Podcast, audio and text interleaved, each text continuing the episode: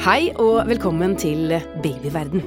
Jeg heter Karine Næss Frafjord og er redaktør i babyverden.no.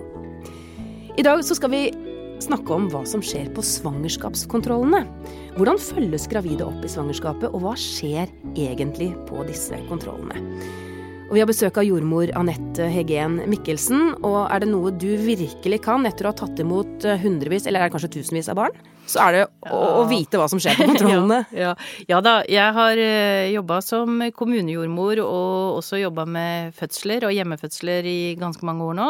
Så det er klart at jeg vil vel si at jeg har en del erfaring med svangerskapskontroller.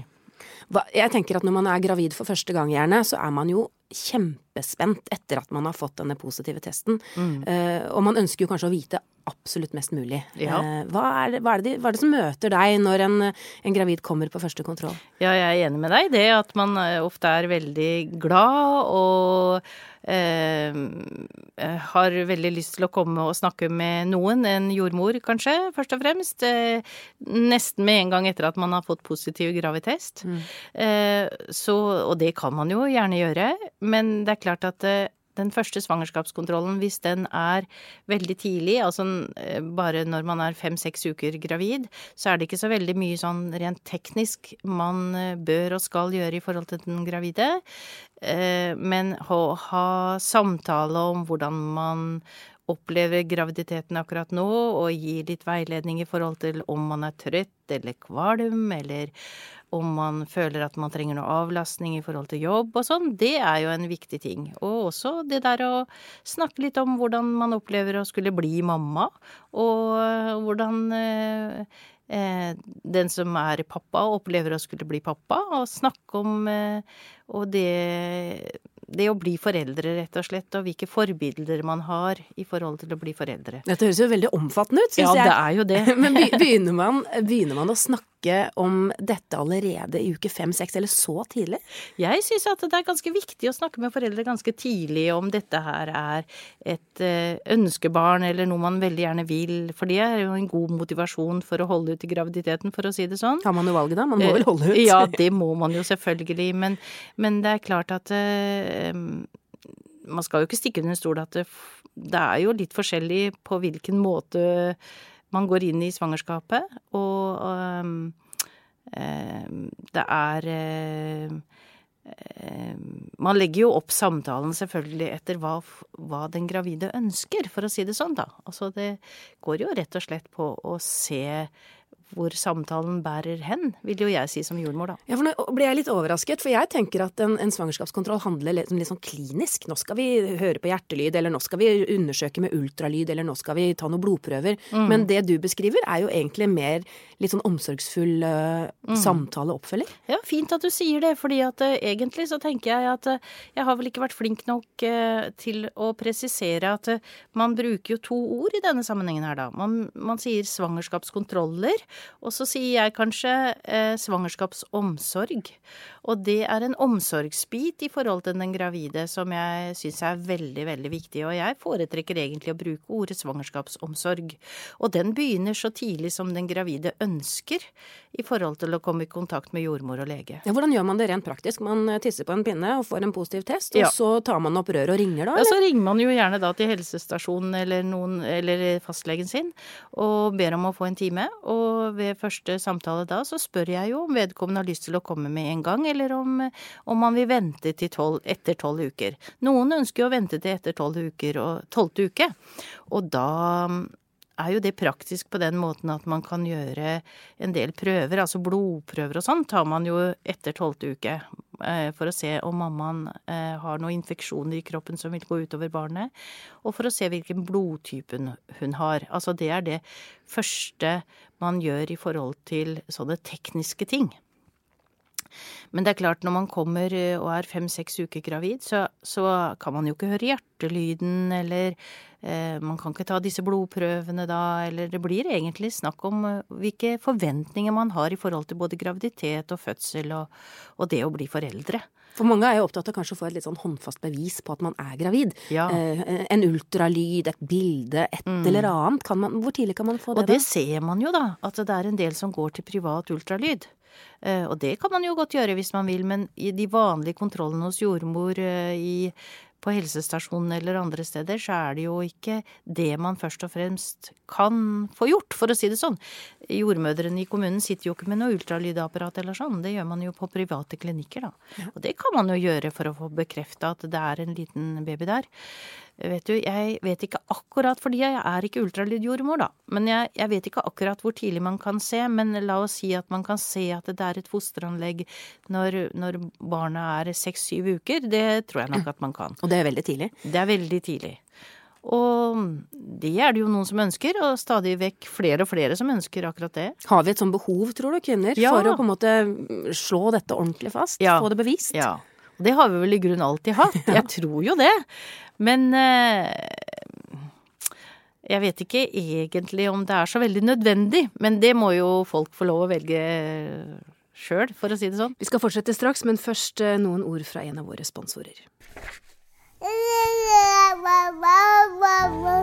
Visste du at tidlig høytlesning, helt fra barnet er nyfødt, pangstarter språklæringen? Barn og babyer som blir lest for, utvikler språk og hjerne på en annen måte enn barn som ikke blir lest for. Godboken er bokklubben som tilbyr barnet ditt riktig bok til riktig tid, som engasjerer og bidrar til språkutviklingen. Se første bokpakke til barnet ditt på godboken.no.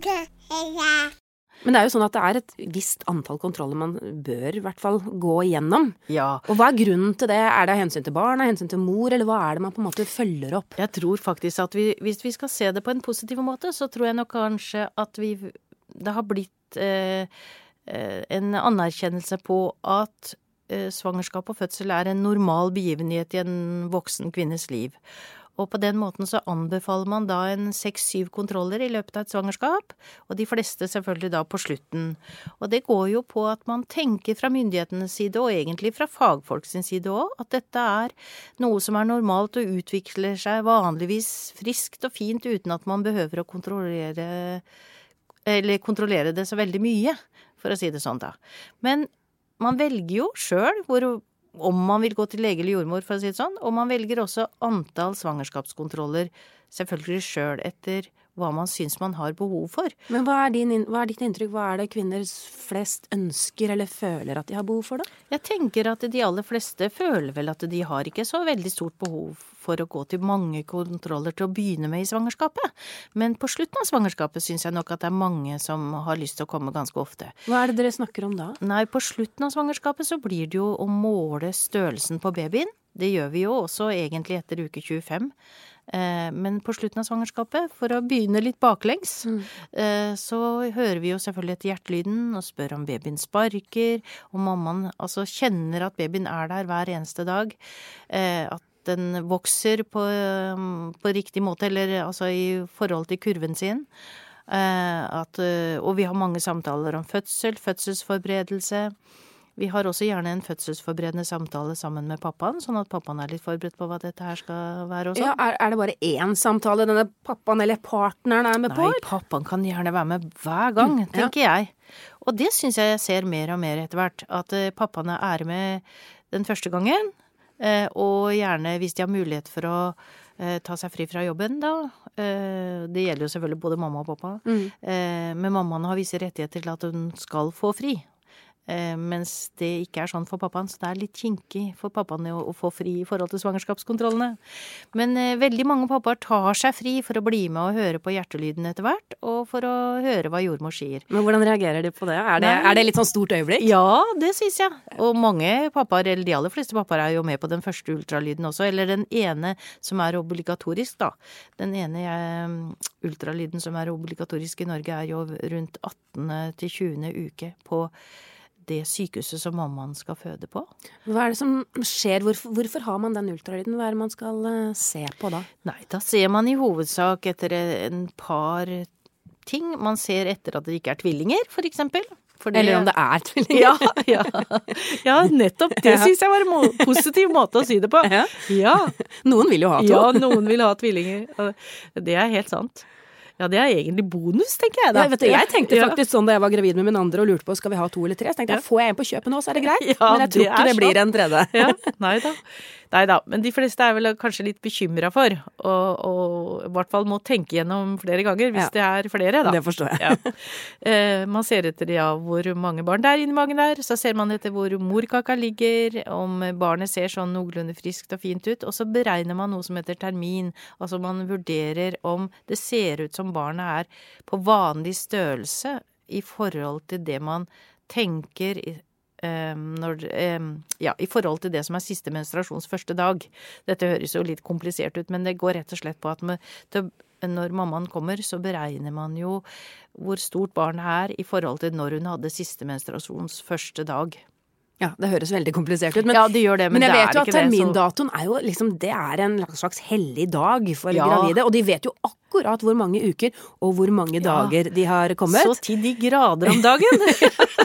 Så, så du skal jo ikke tøyse for mye med disse datoene, har jeg inntrykk av. Nei, vet du, jeg er jo en sånn jordmor som er kanskje litt gammeldags på den måten at jeg har noe som heter snurra, og det er et sånt hjul som man ser på da, som man ser hvor, hvor gammel eh, Eller hvor, hvor stort det barnet er, eller hvor langt mammaen har kommet i graviditeten.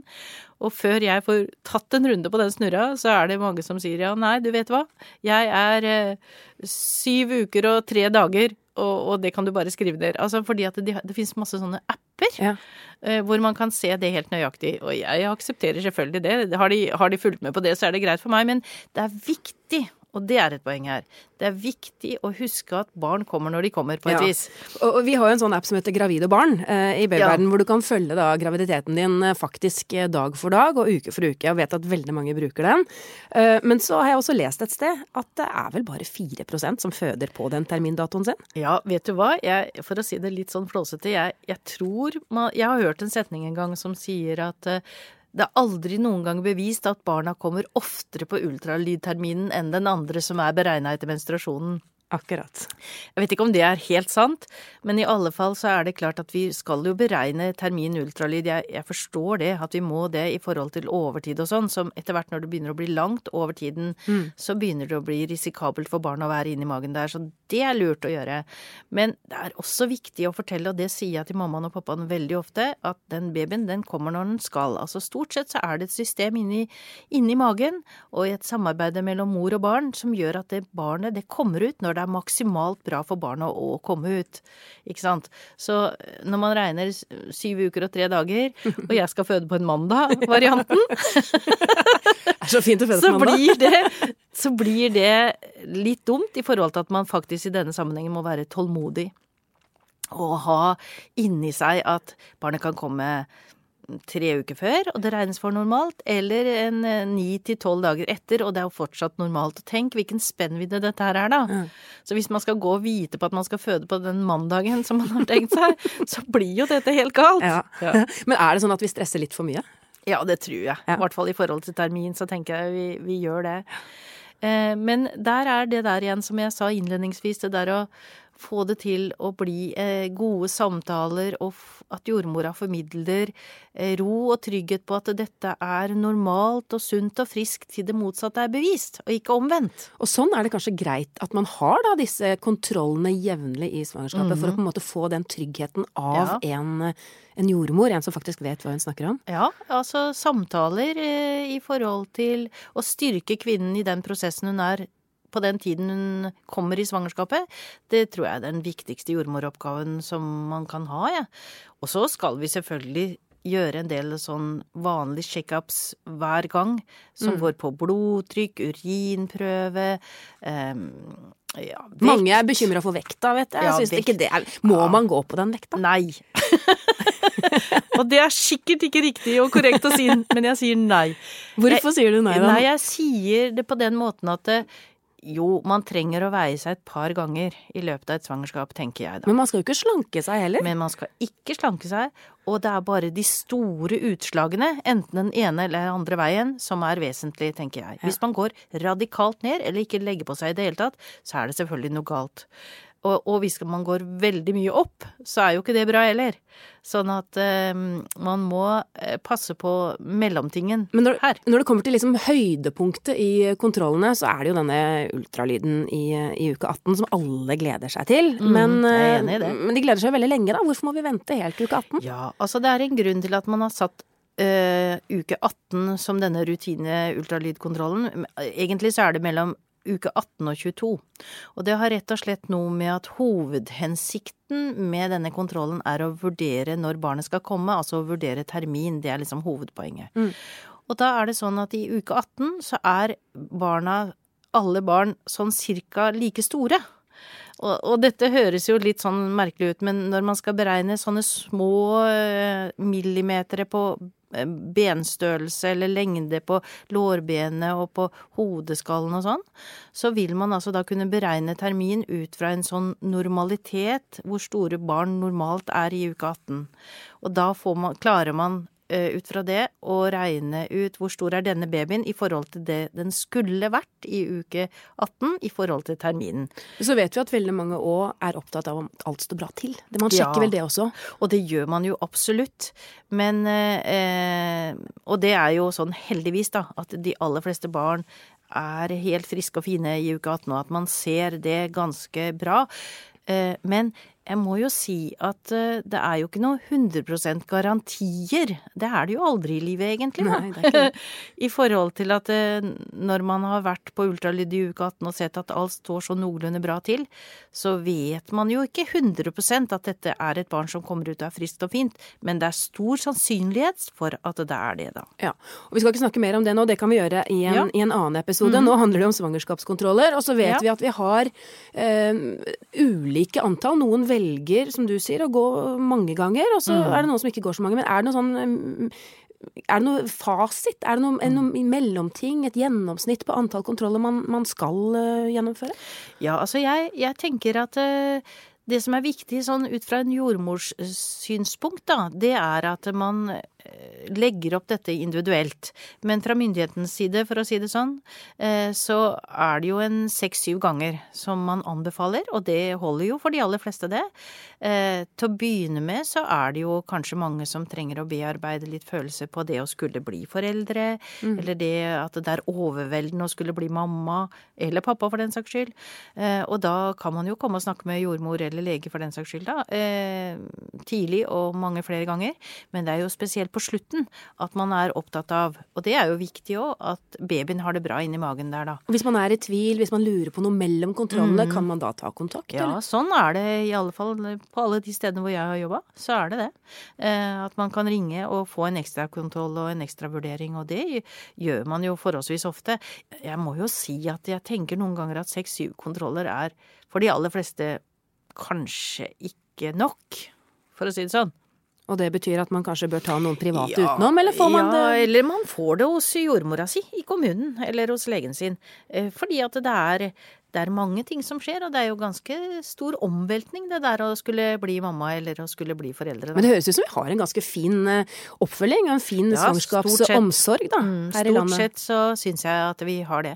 Men det er mangel på jordmødre, og det er en del gravide som har litt problemer med å klare å komme til jordmor i god, god nok tid, eller når de ønsker det. Men stort sett så fungerer det veldig bra. Og da har man jo fastlegen som et godt alternativ Ja ja, også. absolutt. Takk skal du ha, jordmor Anette Hegeen Mikkelsen. Takk. Hvis du lurer på mer om dette temaet, finner du mange artikler på babyverden.no.